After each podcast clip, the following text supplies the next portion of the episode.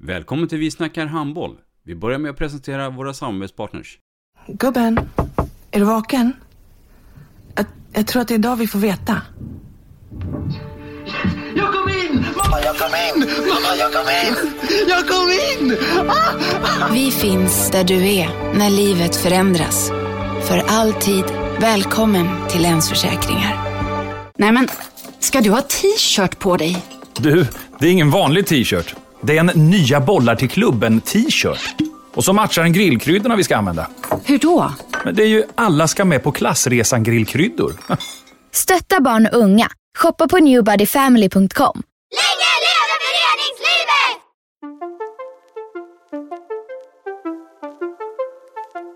Välkommen säger vi till dig som lyssnar till den nya handbollspodden Vi snackar handboll med Robban Z och Matte. Vi snackar handboll, där du får veta alla sanningar som du inte visste att du missat. Vi snackar handboll. Idag i programmet Vi snackar handboll, Matte, så har vi ju en eh, hedersgäst. Vi har nämligen den näst äldsta spelaren i SOE denna säsong. Ja, och som tog ett SM-guld redan 2008. Om jag tog SM-guld. Och vi är glada för att kunna presentera Angelica Wallén som dagens gäst i Vi snackar handboll. Välkommen! Tack. Angelica Birgitta Wallén, född 11 april 1986. Vem är det? Vem är jag? ja men jag är väl Ta oss en... från början. Vad sa du? Ta oss från början. ja men jag är ju eh, född uppe i eh, Norrland i Sundsvall. Eh, men eh, har väl spenderat min största uppväxt i, eh, eller största delen av min uppväxt i Tibro Mm. utanför Skövde. Mm. Det var väl där jag började spela handboll. Var det av en slump eller var det någon som tvingade in dig att nu ska du spela handboll Angelica?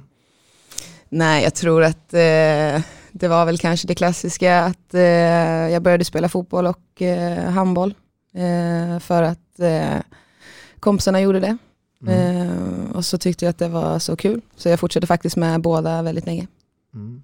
Hur länge höll man på innan du var tvungen att ta ett beslut att nu är det handboll som gäller? Ja, men jag var faktiskt bättre i fotboll än vad jag var i handboll. Mm. Eh, och eh, anledningen till att jag valde handboll var bara rena tillfälligheter. Jag eh, blev lite arg, tror jag, på eh, några som eh, inte lät mig eh, spela både handbollsmatch och fotbollsmatch på samma dag. Mm. Eh, och eh, då blev jag lite arg, så då, då tog jag handboll. Du ångrar inte det heller? nej, nej, absolut inte. Vi kommer ju komma till eh, resa genom åren och, och den är ju tämligen lång. Men innan vi gör det så ska du få en eh, liten hälsning här. Låt höra. Hallå Annika! En hälsning från din forna tränare i Skövde HF, Kjelle Larsson. Jag har många fina minnen från vår tid tillsammans i Skövde HF. Med SM-guldet i Skandinavium 2008 som höjdpunkt. Och där du var en av planens giganter.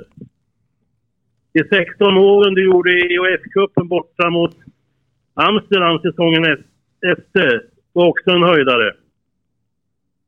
Roligt att det gått bra för dig ute i handbollsvärlden sedan dess. Och att du nu är tillbaka i svensk handboll i IK Sävehof. Tråkigt med skadan du fick i seriepremiären. Men hoppas du snart är på banan igen. Och får veta vilken lirare du fortfarande är. King och gott nytt år! Ja, Kjell E Larsson, handbollsprofil eh, för många år så Berätta relationen där mellan dig och, och, och Kjelle. Ja men eh, han var ju med där under mina år i, i, i Skövde HF och eh, ja men han betyder jättemycket. Det känns som att han kompletterade ledarteamet otroligt bra ihop med, eh, ihop med Magnus framförallt. Eh, men eh, nej, det, var några, det var några härliga år i min Mm. karriär. när du eh, Matte fick höra att vi skulle ha Angelica Wallén här som gäst, vad, vad, vad var din första tanke då? Spännande och kul tycker jag. Eh, Jag har följt, följt hennes eh, resa. När jag var tränare för, för Skuru för många herrans år sedan, eller för Skåne för många herrans år sedan, i början på 2000-talet, så, så, så såg jag henne första gången och spela. Sen eh, så har aldrig våra vägar korsats, men eh, det var nära en gång. För att när, jag, när hon lämnade Skuru, då kom jag till Skuru. Mm. Och då grillade hon mig på en eh, upp, upptaktsträff med en massa frågor på, eh, på länk där uppe som jag fick ställa, eh, svara på. Så idag blir det tillbaka kaka. Välkommen. Så, Ja. Du, eh, jag tror vi kommer att hamna eh, vid den tidpunkten också. Men jag skulle vilja backa tillbaka eh, Angelica till tiden i, i Tibro. Den är jag lite nyfiken på och säkert många fler. Hur, hur var den? Ja, men jag har väl kanske inte riktigt gått samma väg som så många andra har gått eh, som, har, som har nått eh, A-landslaget till slut. Jag eh, var ju egentligen inte någon del överhuvudtaget av eh, J-landslag eller U-landslag. Eh, jag spelade ju på i division 2 i Tibro och blev väl seniorspelare ganska tidigt på gymnasiet redan. Eh, började spela division 2 Eh, när jag kom med i eh, de här regionlandskapslagen så mm blev jag nedsatt på vänsterkanten för att de saknade vänsterkant. Eh, och jag sa inte emot, så att jag spelade ju vänsterkant eh, på den nivån och det var ju, då fick ju alla eh, förbundskaptener se mig på, som vänsterkant och det är väl kanske inte riktigt där jag får ut mina Nej. kvaliteter. För, för du har ju, du gick mest på nio meter. Eh, och framförallt höger, om inte jag är helt fel underrättad. I, ungdoms, eh, Tiden. I ungdomstiden. Eller var men- blandat där? Ja det var nog blandat, där Ja. var jag mest eh, mitt nia tror jag. Men du, den här tiden med Sverigecupen då och Västergötland. vi- Vilka ledare hade du på den resan då? Minns du det? Ja, det, jag tror det var Bosse Andersson hade vi. Eh, jag tror att det var lite olika där också. Jag vet att jag var själv i alla fall från Tibro. Mm. eh, och sen så när man gick, eh, gick vidare till riksläger och så, så var jag ju själv från, eh, från eh, Västergötland till slut. Mm. Så det gallrades bort ganska fort. Vi- Vilka kända profiler fanns i den årgången, 86?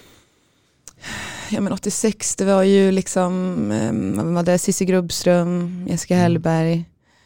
Eh, vi var faktiskt inte så många, vi slogs ihop med 85-87 kommer jag ihåg. Mm. Ehm, så det var ju, ehm, det var ju många bra. Ehm, men eh, jag kan väl känna än idag att jag tycker att det är eh, lite konstigt att trycka ner någon på kanten. För man säger inte riktigt emot kanske i den åldern. Nej, Eh, Så det tycker jag är lite synd. Ehm, En av de så. ledarna eh, kommer du får en hälsning härifrån. mm, spännande. Mm. Mm, Hej Angelica. Vad kul att du är med i podden.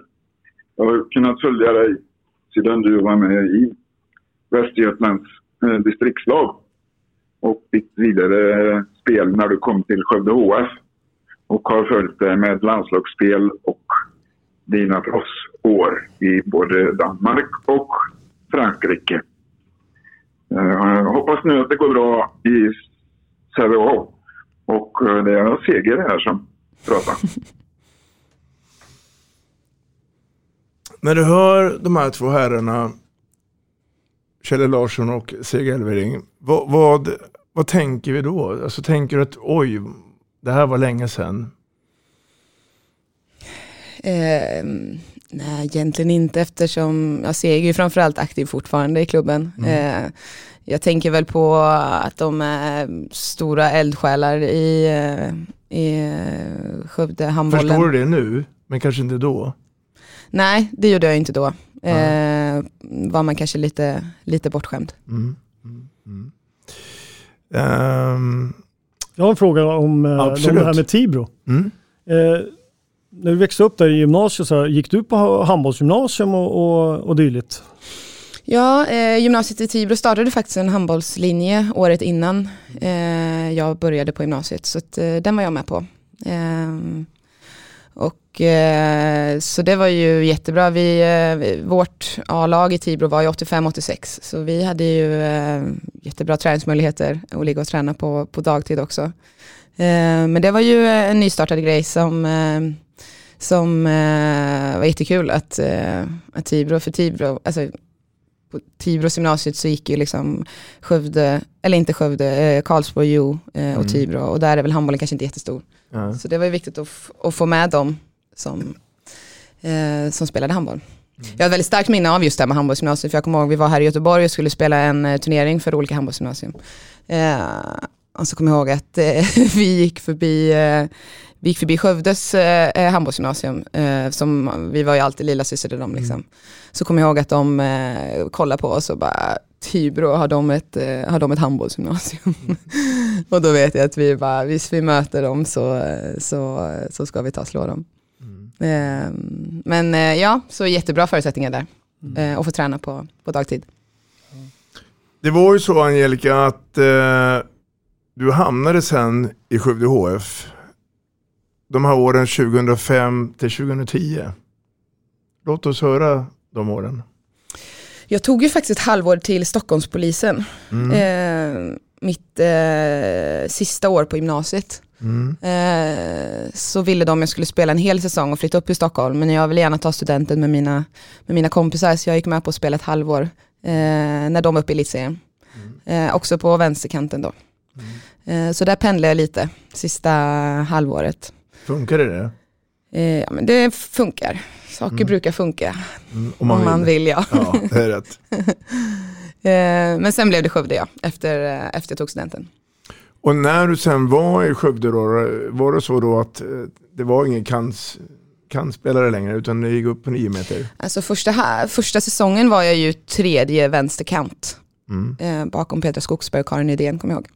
Eh, så där kämpade jag på. Eh, och sen min andra säsong så saknades det lite folk på nio på försäsongen och då fick jag hoppa upp på nio meter där och gjorde väldigt bra intryck och så fick jag vara kvar där. Mm. Så att jag eh, väntade tå- med tålmodigt på min eh, chans. Mm. Den kom ju sen. Den kom ju sen ja. Mm. Eh, innan vi ska prata om det där SM-guldet tänkte jag, eh, så ska Mats eh, få berätta lite grann.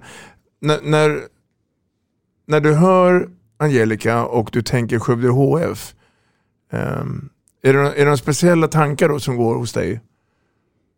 Ja, men alltså framförallt under de åren som Angelica var, var där så tycker jag väl att det var ju, det var ju en storhetsfaktor eh, under de fem säsongerna som hon var där. Även om de inte vann mer än en final så var de i final flera år av de där fem åren. Så att, eh, och eh, ja, så, och hon var ju väldigt bidragande tycker jag i, i det laget. Eh, och hade väl en spelstil som inte så många andra hade i det laget och eh, som kompletterade de andra typerna av spelare som de hade på ett väldigt bra sätt. Eh, uppfattar henne som en lagspelare. Eh, kanske till och med sköt lite för lite eh, och spelade fram andra som hon trodde var, var bättre på att skjuta än vad hon var. Men eh, hon hade faktiskt under de här åren ett väldigt, väldigt bra eget avslut också. Eh, så att det är väl ungefär det jag kommer ihåg. Men det jag tänker på det var ju liksom det var ju era Magnus Frisk och, och liksom det han stod för i ledarskapet och det som byggde de här, det här laget och fick många bra spelare in, in till det laget på, och, och, och många som faktiskt ville vara med i den verksamheten. Eh, av de allra bästa i, i, i, som vi hade, spelarna vi hade i landet på den tiden. Så det är väl ungefär det minnet jag hade och det var, ja, det var kul att titta på dem. När du hör de här orden från Mats, vad, vad, vad, tänker du då?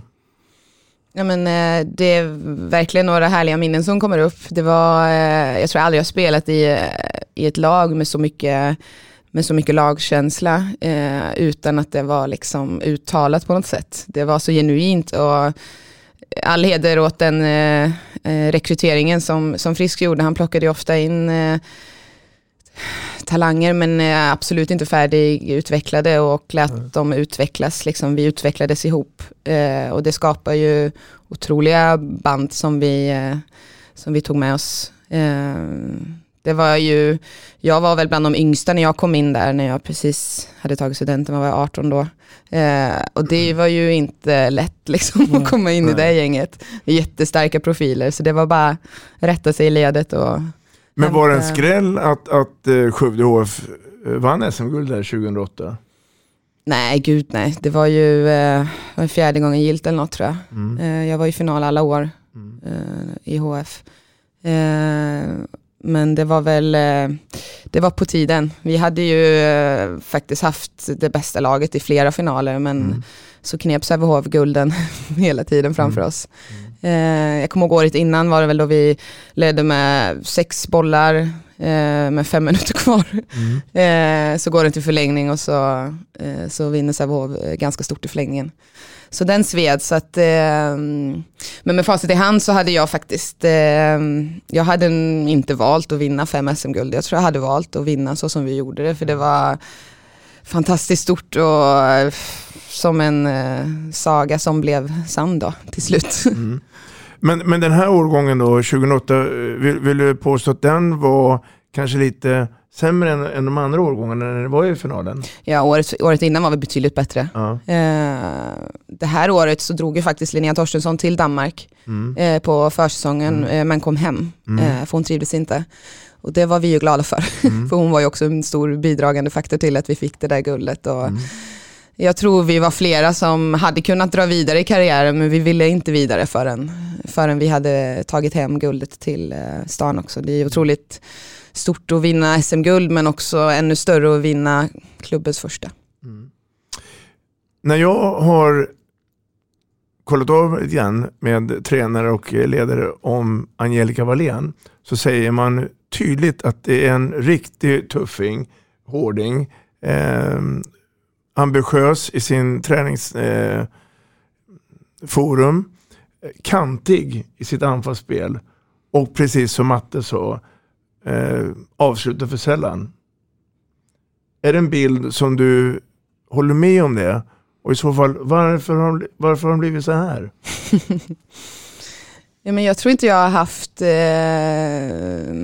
jag tror inte jag haft behov av att göra mål och sånt. Liksom.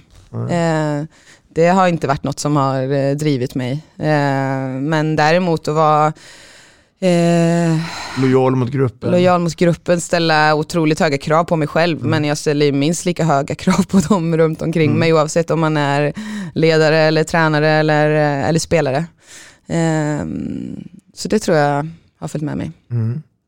Ja, det är spännande. Ja, men hon hade ju spetskvaliteter tycker jag i, i framförallt sitt genombrottsspel och hon var ju helt, alltså ett tag när hon var som, hon var som allra bäst och, och så tycker jag liksom hon, hon, hon kunde ju göra sin spelare på beställning eh, åt bägge håll. Eh, och det, det jag det enda som jag säger var det var inte så att hon aldrig tittade på mål, men det var mer i genombrottssyfte. Eh, men hon hade också ett fint, framförallt från golv och, och låga underarmsskotten och, och det som jag tyckte att hon kunde ha dragit några fler för att kanske skapa ännu mer ytor för sina, sina eh, ta sin mittsexa och sina, sina lagkamrater. Så, där. så att, eh, hon, hon, framförallt så tog hon, tog ett ansvar, framförallt i genombrottsspelet, att gå på mål. Absolut, och hon var stryktålig och, och eh, enorm på det. Liksom. Det är just det här liksom, att jag tycker att hon kunde ha skjutit lite mer utifrån, för hon hade det i sig. Det var vad jag Håller, håller du med? Ja, jag håller med än idag. det är fortfarande samma. Ja. Det är ju så att eh, vår gode vän och eh, din eh, kollega, tränarkollega Magnus Frisk har vi förstås pratat med. Dock ingen hälsning. Men vi har pratat med honom och eh, där han idag vill dra lite paralleller med din spelstil anfallsmässigt som Emma Lindqvist som numera spelar med eh, landslaget och spelar i Danmark. Och skälet är det enligt honom är ju att du och Emma kan ju gå på alla tre positioner utan att det påverkar så mycket. Eh, men du spelar det mest högernio, om jag, jag tror bilden rätt. Ja, det har faktiskt varit lite olika. Eh, landslaget blev det ju mycket högernio sista Mm. åren. Mm. Eh, för att vi också saknade vänsterhänta. Mm. Eh, men alltså generellt sett i karriären har det ju blivit eh, alla tre Mm. positioner. Mm. Och, och för, för bara runda av den här lilla biten med din fotbollskarriär. Mhm. För att jag vet att eh, också hört att, eh, att du var förmodligen en bättre fotbollsspelare än handbollsspelare. Men du valde handbollen. Eh, och nu får vi aldrig reda på hur bra du kunde bli i fotbollen. Eh, men däremot så är ju handbollen en teknisk sport. Eh, och i kombination med din inställning och den här attityden du har så är det väl så då. Eh, du får väl rätta med det Matt, att Angelica har ju de egenskaperna att vara den här lojala lagspelaren, älskar att trycka på, älskar att träna. Men hade lite kvar i den tekniska utveck utvecklingen då. Idag kanske det är lite annorlunda. Jag vet inte eh, om du håller med om det. Nej, tekniken tycker jag att hon har haft hela tiden. Eh, och det är det som har tagit den så långt. Som, alltså den har funnits från grunden. Det är ingenting som man lär sig när man blir gammal. Utan det sitter, alltså grunden har funnits hela tiden. Eh, jag tycker hon är lagreal. Jag har fått uppfattningen utan att känna henne utan att innan på så mycket, men att hon också ställer väldigt, väldigt hög krav på sin omgivning, men också på sig själv mm. i sitt idrottande. Och eh, det tror jag är viktigt till att, att, liksom, att hon oftast har nått framgångar i de miljöerna hon har varit i. Mm. Eh, och det är faktiskt inte bara i Skövde, utan det är på annat håll också, där, där, där liksom det har blivit framgångssagor, även om de kanske inte alltid har tagit, dragit längsta steg, så har, så har det alltid varit i bra, hon har varit, varit bidragande i miljön, eh, är min uppfattning. Eh, och det, det tycker jag är, är starkt. Alltså hon kanske har kunnat liksom säga ifrån till tränaren när hon tycker att något, något, något varit fel, att hon tycker att vi ska göra så här istället. Och, och, och, även om inte tränarna alltid har lyssnat på henne så har man ändå, eller man kanske har lyssnat på henne och men inte alltid eh, följt hennes råd, men jag tror man alltid har lyssnat på henne. Mm. Angelica, eh, efter SM-guldet 2008 så var du kvar fram till 2010. Sen har det hänt mycket. Och då, är vi inte, då är vi inte kvar i Sverige. För nu händer någonting i ditt tambos liv. Samtidigt då som jag tror mig veta att du också, rätt med fel jobbade som mäklare på den tiden. Varför blev det flytt utomlands? Ja, men jag tror eh, jag såg och stampade lite i eh, svenska ligan och för mig fanns det ingen annan klubb i Sverige att spela för då. Eh, jag kände jag hade gjort mitt, eh, såg väl inte fram emot kanske eh, att möta samma lag, samma spelare. Eh, och på den tiden fanns det inte så många lag ute i Europa att välja på som det finns, eh, som det finns idag. Mm. Eh, var här absolut överhuvudtaget inte medveten om ligorna eh, utanför Sveriges gränser på samma sätt som man är idag. Eh, jag hade en kompis, Anna Maria Johansson, som spelade i Esbjerg. Eh, och pratade lite med henne. Och de behövde en, eh, en, en vänsternia, en mittnia. så då drog jag dit. lite spontant.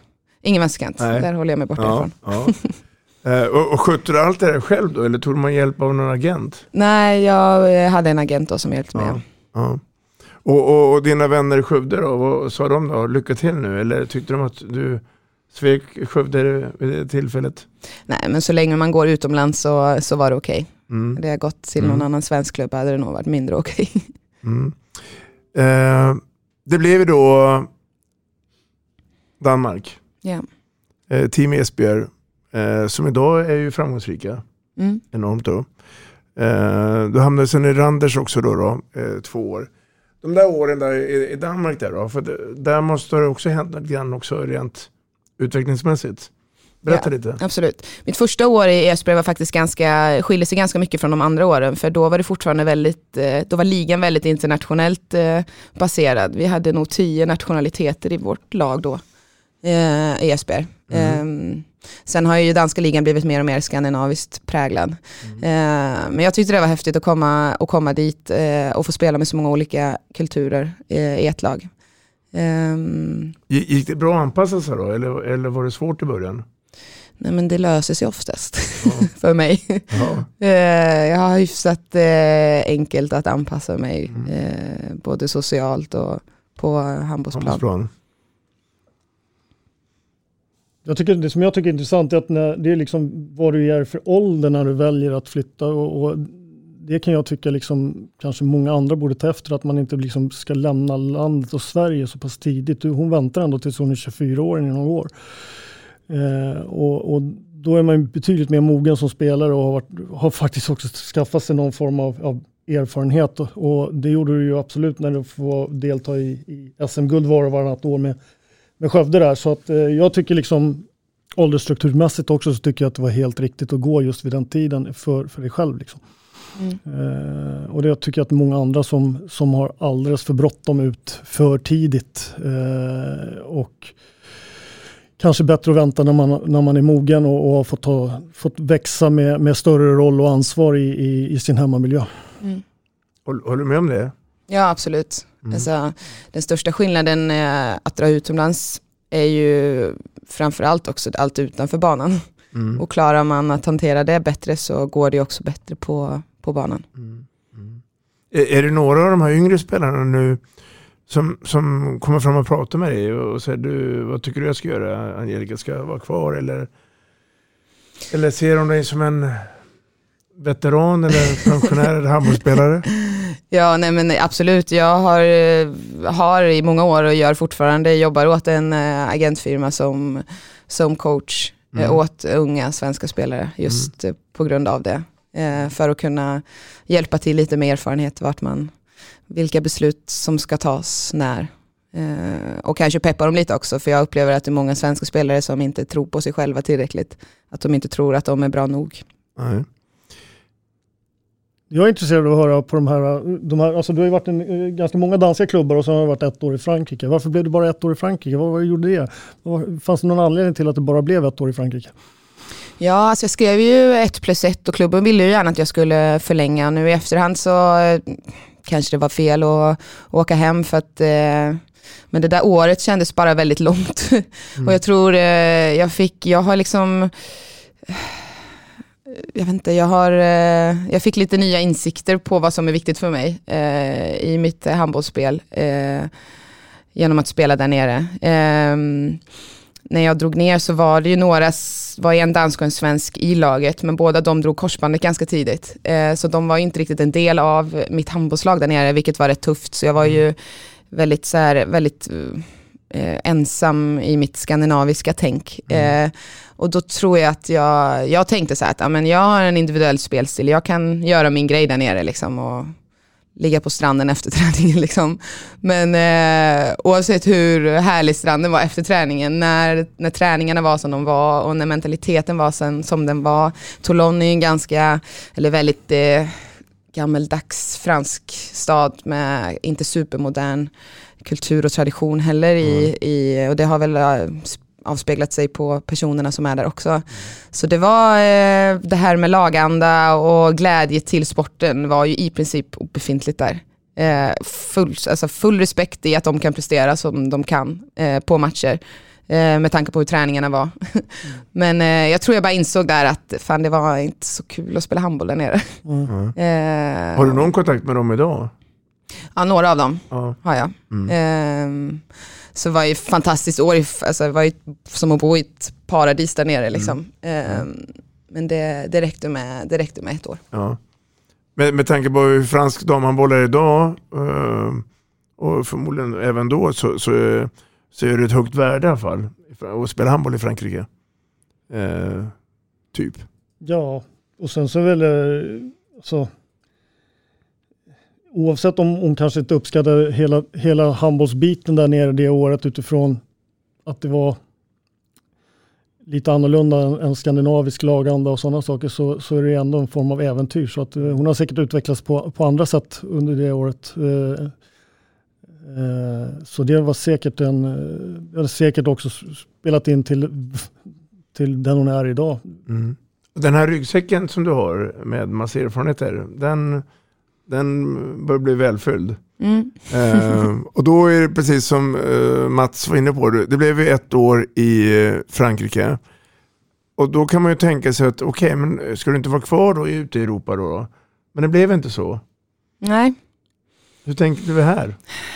Ja men eh, precis som du sa, det har, alltså, vissa beslut leder ju till, leder till andra och när jag var där nere så eh, de delarna jag kanske saknade satte jag ju jättemycket pris på istället och de visste jag skulle finnas i oavsett om jag gick tillbaka till en dansk klubb eller en svensk klubb. Eh, och då hade jag varit utomlands ganska många år och kände väl att jag hade behov av att komma lite närmare familj och familj och vänner men kände mig liksom inte klar med handboll. Jag tyckte fortfarande det var kul och eh, kroppen mådde bra. Det var ju OS-år det året Mm. också Mm. eh, i Rio och eh, det kändes som att det var skönt att komma hem för kropp. Det blir, alltså, OS-år är ju slitigt när det inte riktigt blir någon, eh, någon paus. Eh, så det kändes skönt att komma hem till, eh, till en svensk klubb där belastningen inte är riktigt lika hård eh, fysiskt för, eh, för mig. Så att, Du hamnade i Nacka. mm. Du passerade Skövde. Vad sa de där då när du berättade att jag hamnade i Skuru?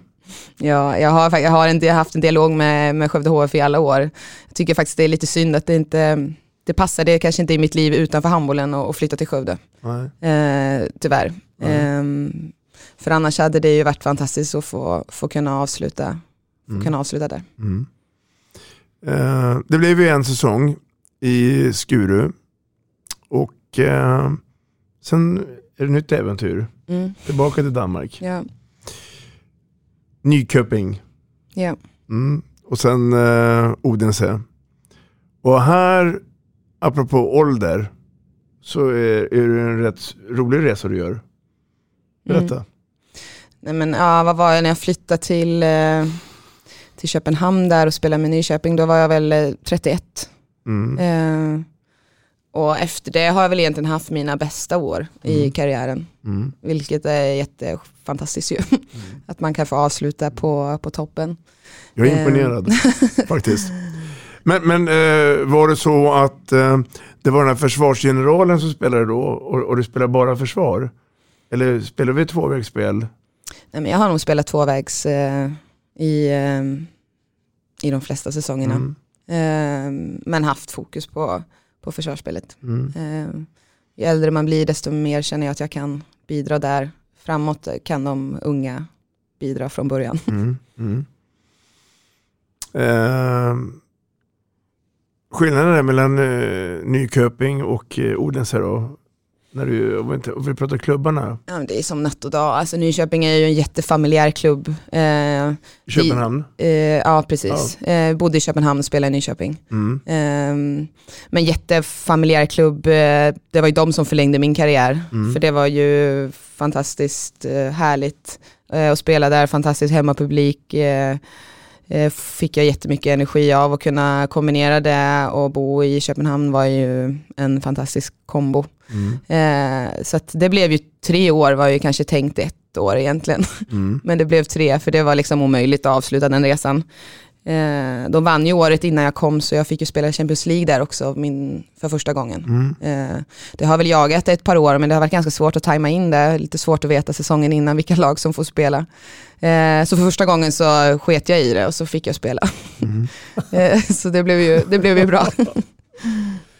Du, eh, du har ju blivit dansk mästare och dansk cupmästare också. Apropå den här CVn med ryggsäcken vi pratar om då. Ehm, det fanns väl lite svenskar också med runt omkring det då, Mm. när du var i Danmark där. Mm. Hur, hur var det då? Ja men eh, pff, gör ju jättemycket. I, eh, jag bodde ju granne i Köpenhamn med alla de som spelar i Köpenhamn och de har ju varit fem, sex stycken. Mm. Det var ju Jenny Alm, Johanna Bunsen, Mellegård, eh, ganska många. Eh, Blomstrand. Eh, och i Nyköping hade jag både systrarna Westberg och Mm. Anna Lagerqvist. Mm. Eh, nej, så det var, det var tre riktigt bra år. Vi blev ju cupmästare med Nyköping också. Mm. Och det är ju det är alltid kul att vinna och det är kul att vinna med olika typer av, av lag med olika förväntningar. För där var det ingen som hade förväntat att vi skulle vinna. Eh, och det tycker jag är roligast. Mm. Ehm, Odense, du, du sa att det var två olika skillnader. Mm. Ehm, tänker du på resultatmässigt då? Eller tänker du på träningsförhållanden? Ja, egentligen allt? allt. Det är allt mellan natt och dag. Alltså. Um, Odense är otroligt professionell klubb, ju, satsar ju otroligt mycket pengar också på att vinna. När jag kom så hade de ju satsat i tre år på att vinna men inte vunnit någonting i princip. Eh, vunnit matcher såklart men inga titlar överhuvudtaget. Så att de har väl provat att köpa ihop ett lag men så tror jag för första gången att de faktiskt ehm, de sorterade ut lite och inte valde att ha ett lag med, med bara de bästa handbollsspelarna utan eh, de tog in några lagspelare då, som jag. Mm, mm. Eh, jag är övertygad om, jag blev ju inte värvad till Odense för att jag, eh, eh, det är klart att jag är en bra handbollsspelare men in, inte bara på grund av mina handbollskvaliteter. Jag tror jag blev värvad mycket på grund av mina eh, mänskliga kvaliteter. Mm. Och det tycker jag eh, är fint. Mm, det håller jag med om. Vad säger Matte? Ja, det ska man väl verkligen tycka att det är fint. Det, det skulle jag tycka också om man blev tagen dit för den man är. Eh, så att det är, och det gick ju bra också. Mm. Odense. Ja, det, vi tog hem allt. Så att det, Mm. Du ser, Det var du kom ju- dit så. Ja, precis. Nej, jag tycker bara eh, med, i, alltså utifrån ett gruppperspektiv så tycker jag att det är otroligt fascinerande att, det- att det fungerar så. Det tror jag, tycker jag många ska se och lära ifrån. Att det Mm. har inte bara med, med att, att köpa ihop de bästa spelarna utan man ska kunna få gruppen att, att fungera också. Mm. Det låter ju väldigt klyschigt men det- jag har ju fått se ganska tydligt hur det, hur det fungerar i praktiken. Om vi jämför här åren med eh, första svängen i Danmark och andra svängen och jag tänker plånboken. Var det, eh, var det skillnad då? Alltså ekono- ekonomiskt då? Ja, absolut. Det Mm. blev ju bättre och bättre. Mm.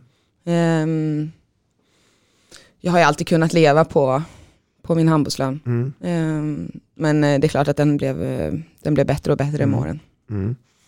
Och du och många andra svenskor och holländskor det, har ju spelat i, i den danska ligan. Har det, tror du, varit en del av orsaken att dansk damhandboll, alltså landslagsmässigt, har kommit lite den sidan? För att det har varit så mycket eh, proffs utifrån i den, i den danska ligan.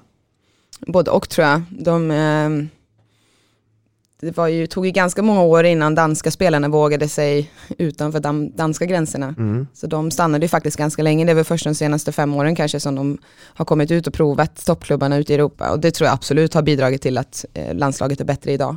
Mm. Eh, jag tycker de har ett jättespännande lag nu eh, och tror verkligen att de kan, eh, kan vara med och fightas om medaljerna nu de kommande åren. De har ett ganska ungt lag också. Mm. Eh, men jag tror bara det har bidragit till att dra upp nivån. För även om vi är många svenskor och holländskor i danska ligan så är det inte lika många eh, andra nationaliteter där nu. Eh, norskor är det ganska många också. Intressant är ju också att det fanns, att det faktiskt just nu också är ganska många unga, dan, unga danska talanger som väljer att komma till Sverige och utvecklas. Eh, och som med all säkerhet, ganska många av dem kommer att spela i Danmark i, i framtiden. Mm. Det tycker jag är häftigt. Mm. Mm. Vad, hur, hur tänker du här då? För det är ganska intressant det Matte säger. Ja, och jag tror ibland så är man som ung spelare nervös för att man kanske tänker för mycket på vilken nivå den svenska ligan har. För det är klart att de vet att nivån är lägre än vad den är i Danmark. Men ibland så tror jag bara att man som person utvecklas av att byta miljö och byta kultur och komma till ett land där, även om ligan är sämre eh, än den danska, så tror jag att det är minst lika utmanande på många punkter att lära sig att prestera när man inte har tryggheten Nej. utanför banan. Eh, så det kan de helt säkert ta med sig tillbaka till Danmark sen. För kom ihåg i början på samtalet så sa du till mig och, och, eh, och så att eh, den här eh, eh, du fick en liten eh, hint där med att Skövde spelar så, med Tibro kan man inte spela handboll. Mm. Och här är det ju lite grann ett tvärtomläge också. Att det är klart att det går att spela handboll här. Och jag tror ju att fortsätter den här resan så kommer det bli mer attraktivt att spela i den svenska ligan. Om nu eh, klubbarna verkligen vill satsa på Mm. just den här elitverksamheten. Och vi har ju bland annat i, i, i din före detta klubb då, Skövde då, ett par danskar där Mm. som har varit med en sväng. Men du vinner det mesta och allt som går att vinna med Odense. Men du väljer sen att lämna. Ja. Nu, är vi, nu är vi på nuet av historien. För nu är vi 2021 i Sävehof. Mm. Och det är klubbyte jag inte hade gjort för 11 år sedan. Från Skövde till Sävehof, värsta konkurrenterna. Ja, och så går nej, det 11 det år och inte massa varit så klubb- aktuellt då, nej. Nej, och så massa klubbar emellan och Ja. sen helt plötsligt så Sävehof, ja men där kanske jag ska köra. Ja. ja, det är klart. Alltså, jag satt ju i Odense och eh, hade fått ett kontraktsförslag om att förlänga. De ville gärna att jag skulle vara kvar. Och det är klart att man eh, hade guldhybris där. Vi hade ju, det var ju två guld på en vecka i princip. På grund av mm. corona så blev det lite komprimerat. Så det är klart att eh, det naturliga hade ju varit att stanna kvar och, eh, och förlänga. Men eh, jag har nog aldrig tagit beslut i min handbollskarriär utifrån vad som är liksom normalt. Eller vad, som, eh, vad man kanske borde göra. Jag har gått på magkänslan utifrån vad jag behöver just då eh, och inte tänkt så mycket på min jag har inte tänkt så mycket på eh, nivån där jag, dit jag ska gå utan mer vad jag känner att jag eh, har motivationen för och, och liksom kreativiteten och kraften att, att kunna utvecklas. Och just där kände jag mig ganska mätt på den cirkusen som var där. Eh, hade väl fått ett fantastiskt avslut av på tio år utomlands. Eh, så där tänkte jag att eh, nu åker jag hem.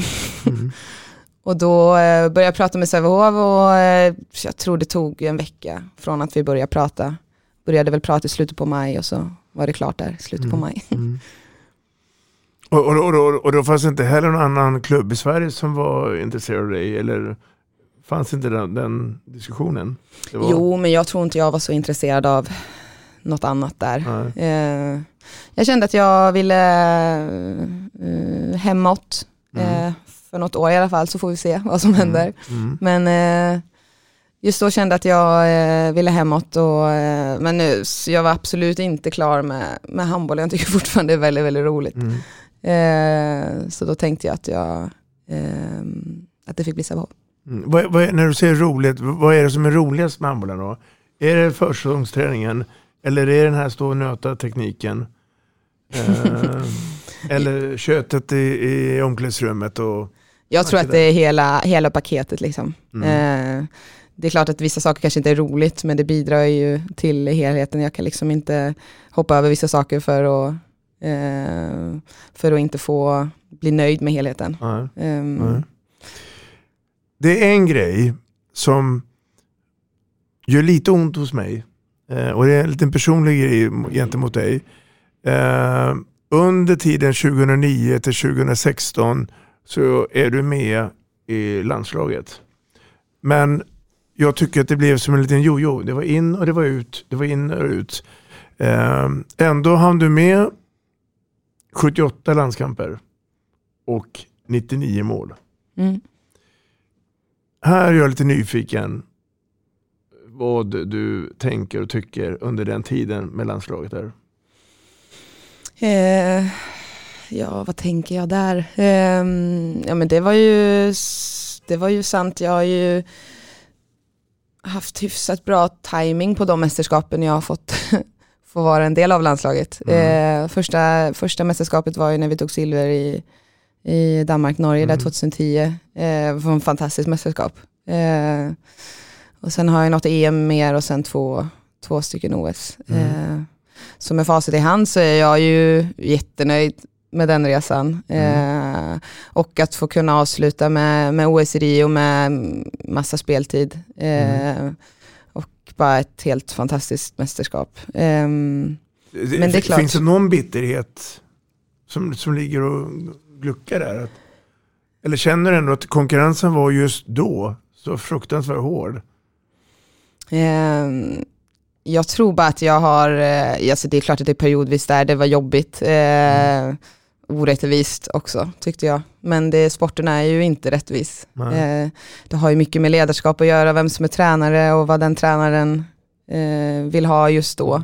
Eh, och det är klart när jag har en spelstil som är eh, lite så allt i allo-aktig så är det ju i vissa fall i ett OS en fördel när det bara är 14 spelare eh, och man behöver använda spelarna man har med på flera positioner. Eh, men i, eh, i en trupp på 16 där man behöver lite så mer specifika egenskaper kan det ju vara att man faller mellan, mellan stolarna. Ehm, men eh, jag tycker det har hjälpt mig att eh, ja, men, sätta pris på att få vara med i landslaget. Jag har ju iakttagit, när man är den som är lite in och ut ett par gånger så har jag ju heller inte, liksom, jag kan iaktta ganska mycket och lära mig väldigt mycket om eh, individer i, i grupp och hur folk hantera sina roller. Det finns ju många i landslaget genom åren som har haft givna platser Mm. eh, och kanske inte uppskattat det. Eh, som, eh, som jag skulle ha gjort. Mm. Och, ehm, men så är det ju ibland, man tar ju kanske vissa saker för givet eh, när, man, eh, eh, när man blir behandlad så. Mm. Ehm, Vad tänker du Matte? När... Nej, jag tycker hon ska vara stolt över sin landslagskarriär. Sen kan Mm. inte eh, hon... Eh, alltså, det är ju så här, det är, ju- det, är, det är någon annan som bestämmer hur mycket man ska spela på banan. Men eh, nu har inte jag sett, jag har inte följt era, jag har inte följt liksom gruppdynamiken under mästerskap och sådär för vi får ju bara se det som ses på tv-kamerorna men eh, hon, eh, hon, hon har ju ändå varit lojal i att tacka ja när hon blev uttagen och eh, eh, tycker jag också visat att, att hon har lagspelare eh, i, i, i, det sammanhanget också. Även om hon inte har varit den som har varit mest inne på banan alla gånger så, så har hon varit laglojal och eh, ändå tackat ja till de, eh, de tillfällen hon har fått varit möjlighet att vara med. Och det säger mycket om henne, eh, återigen eh, utifrån den person, personen hon är eh, i det fallet. Sen, eh, självklart kan många, det är många för detta landslagsspelare som skulle önskat mer speltid. Men jag tycker att hon ska vara stolt över eh, det är 78 landskamper, det är inte att, det är inte att leka med. Liksom.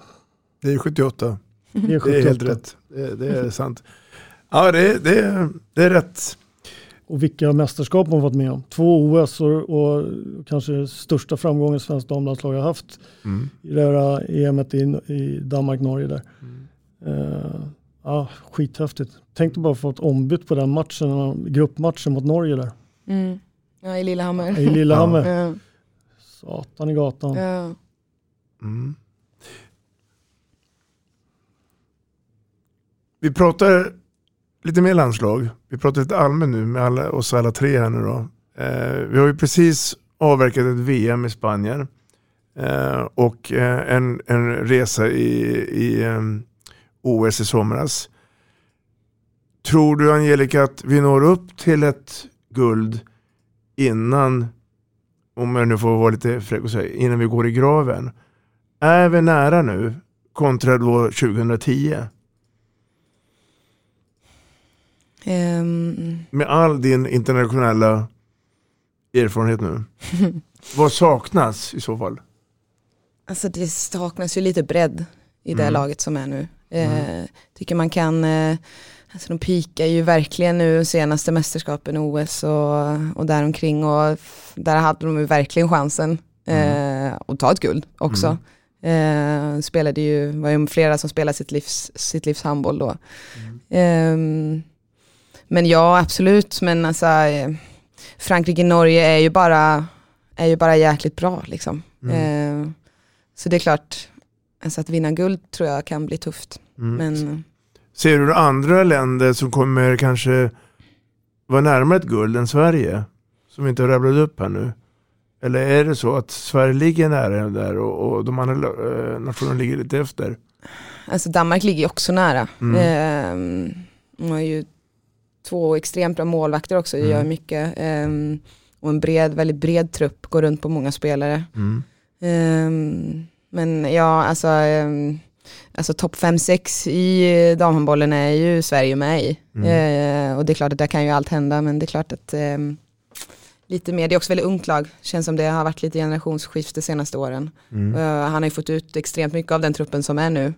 Ehm, men det är klart att står man i de där viktiga matcherna behövs det erfarenhet också. Mm. Och för att vi ska lyckas då, eh, och Matte då, är det då att det är viktigt då att vi har spelare som spelar proffshandboll? Eller? I alla fall Champions League eh, är ju otroligt viktigt för då Mm. spelar man ju mot de spelarna man spelar med i landslaget. Det Ja. är ju jättestor skillnad. Och med kontinuitet? Mm. Mm. Ja, jag hävdar fortfarande det. Att jag tror att, eh, att det är viktigt att man i sin klubbmiljö och sin vardag får vara med och eh, utmana de bästa i de bästa möjligheterna, alltså Champions League och spela i klubbar som, som når långt och, och vara delaktig i det. Det tror jag gagnar landslaget. Eh, Sverige är delad tredje, fjärde, femte plats tycker jag, i, idag i världen. Eh, jag tycker att det är eh, idag om man ser till senaste mästerskapet i Spanien så tycker jag egentligen att det är Frankrike och Norge som Sverige kan absolut ta poäng. Man tar poäng mot Norge i det här mästerskapet. Man gjorde, tog poäng mot eh, Frankrike i OS. Man förlorar en knapp eh, slutspelsmatch mot Frankrike i OS. Man kan absolut rubba de här lagen i, i, i en, en, bra dag. Men eh, man måste få en fullträff eh, och man måste också spela så taktiskt slipat att man också kan begränsa de där eh, Norge och Frankrikes starka sidor och få dem att göra en lite sämre match.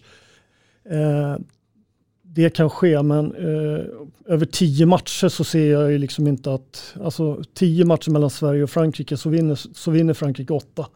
Mm. Även om många av dem kan vara halvjämna och sådär så tror jag det. Och, och, det är samma sak gäller egentligen med Norge. Eh, och sen, så det, det, idag är det. Eh, Sverige är på rätt väg känner jag. Jag tycker också att det finns en mycket, mycket högre lägsta Eh, om man tittar både på eh, OS framförallt som var i somras och det här Spanienmästerskapet så tycker jag att Sverige Sverige sjunker inte li, lika lågt i, i, i prestation eh, utan håller en högre lägsta nivå eh, över, överlag. Och det är ju någonting som båda gott för framtiden.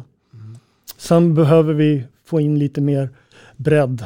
Eh, är jag helt enig, är ni med också. Framförallt i långa turneringar. om det är för få nyckelspelare som får gå tungt för tidigt in i turneringen och, och när, när det var det som kändes lite grann i OS, alltså när det blev semifinal och, och, och, och finalspel där så då tog energin lite grann slut. Mm.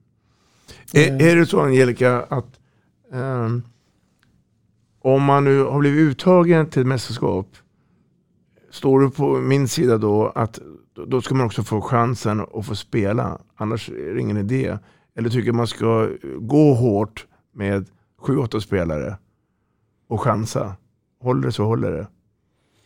Det beror lite helt på vad för typ av spelare som är aktuella. Mm. Eh, I mästerskapet som fanns nu, eller som var precis nu, så, så var han i princip tvungen att matcha ganska hårt. Mm. Eh, för truppen var inte så bred och mm. det var ju en del eh, som har varit en del skadade också efter det här OS, OS-sommaren mm. OS som inte har mm. spelat så mycket under hösten. Så att det fanns ju inte så mycket mer att göra än det han gjorde. Och det är klart att då tar ju spelare slut till slut.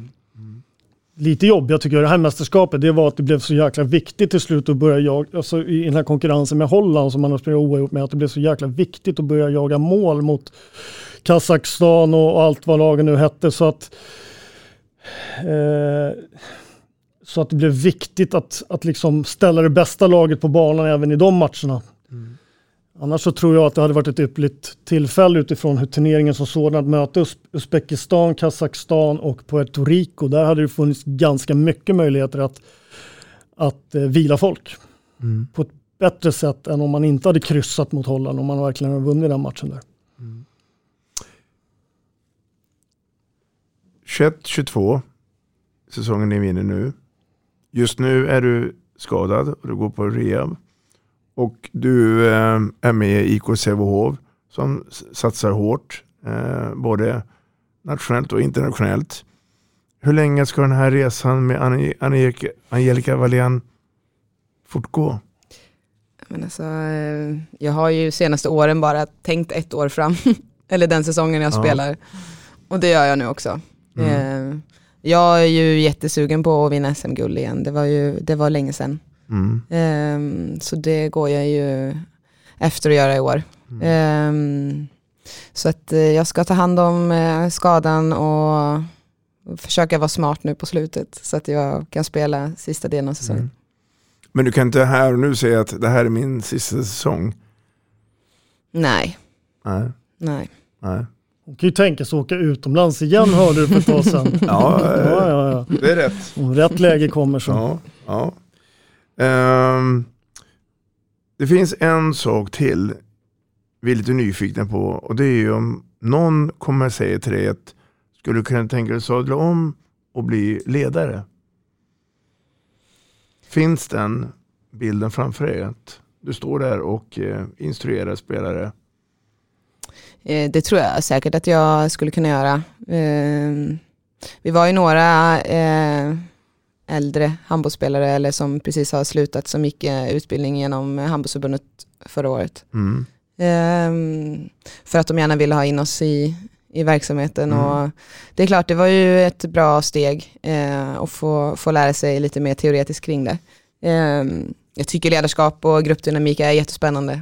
Eh, generellt i livet men också på, på handbollsplan. Ehm, så det tror jag absolut. Sen får vi se vilket omfang det är. Det kanske inte är att stå och nöta handbolls, eh, handbollsträningar eller Nej. övningar men eh, ehm, jag tycker det är spännande. Jag vet också hur mycket, hur mycket det går att göra med ledarskap för att forma en grupp. Liksom spelar inte så stor roll hur bra handbollsspelare man har om ledarskapet inte är eh, bra. Eller skulle du kunna tänka dig att jobba på utanför eh, den gula handbollslinjen, typ som Hanna Fogelström jobbar nu med landslaget och hela den här biten. Eh, är det någonting där som lockar dig att få jobba med sådana saker? Eller är det så att du vill- i så fall stå på golvet? Jag kan nog tänka mig att göra allt möjligt i livet ja. Så Mm. länge det är roligt Mm. och utvecklande. Mm. Eh, så att det, jag tror jag är öppen för det mesta Mm. faktiskt. Och, och civilt idag då? Vad, vad, vad pysslar du då med? Eh, jag, jag jobbar på ett fastighetsbolag idag.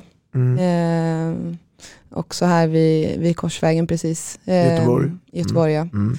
Eh, funkar bra och härligt att ha hittat ett jobb som funkar ihop med, med träningarna. Mm. Det är ju väldigt komiskt att sitta vid ett kontor tycker jag.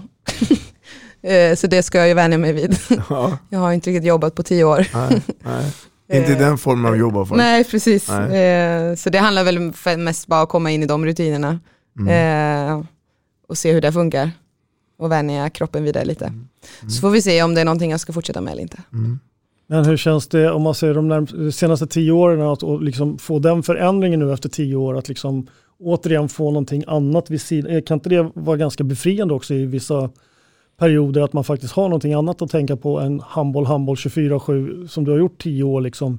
Ja absolut, jag har pluggat mycket, eh, alltid i princip, Ja. eh, vid sidan av handbollen. Men det är klart det är något helt annat att jobba eh, med, med rutiner och så. Men alltså, jag har ju älskat livet de senaste tio åren. Jag hade gärna spelat i tio år till på det sättet.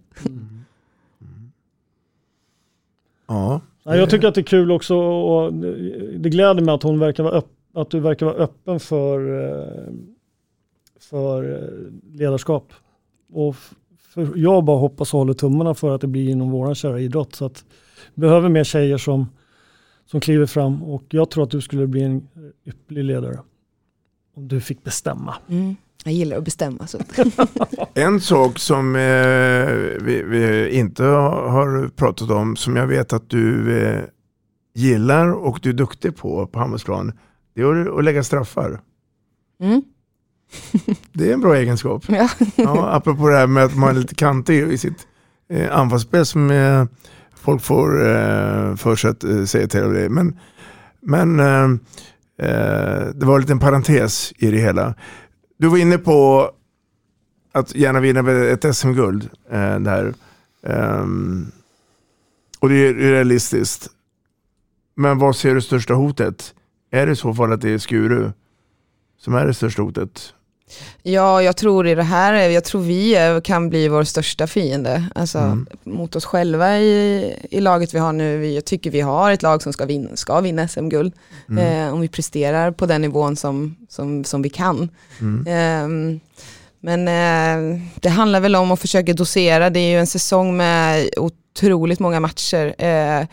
Eh, vi spelar ju fler matcher den här säsongen än vad jag gjorde med Odense förra året. Mm. Eh, och där var vi heltidsproffs och fick sova tio timmar per, per natt och har ju mm, jättebra förutsättningar med, för rehab och, och, och vara snäll mot kroppen. Det är ju omänskligt det här schemat vi har nu Mm. med tanke på att de flesta jobbar eller pluggar vid sidan av. Mm. Så det är mer, eh, får ju bara hoppas att kropparna håller så, så ska vi ta det där som guldet. Men Mm. det beror lite på vilket lag vi kan ställa upp med.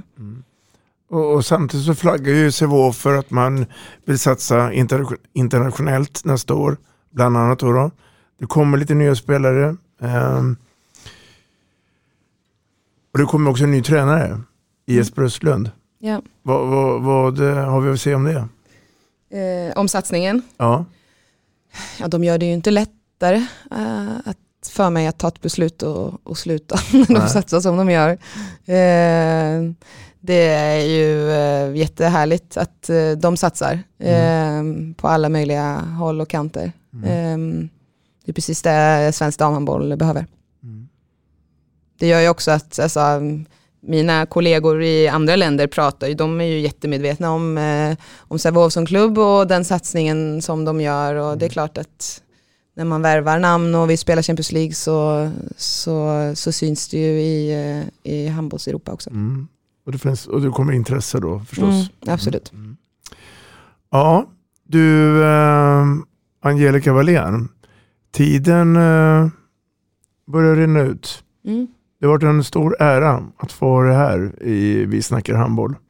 Eh, så att, eh, och lycka till nu eh, med de olika projekten mm. du har för avsikt att göra. Ja, tack. Ja, tack för att du kom. Ja. Jättekul. Tack att jag fick komma.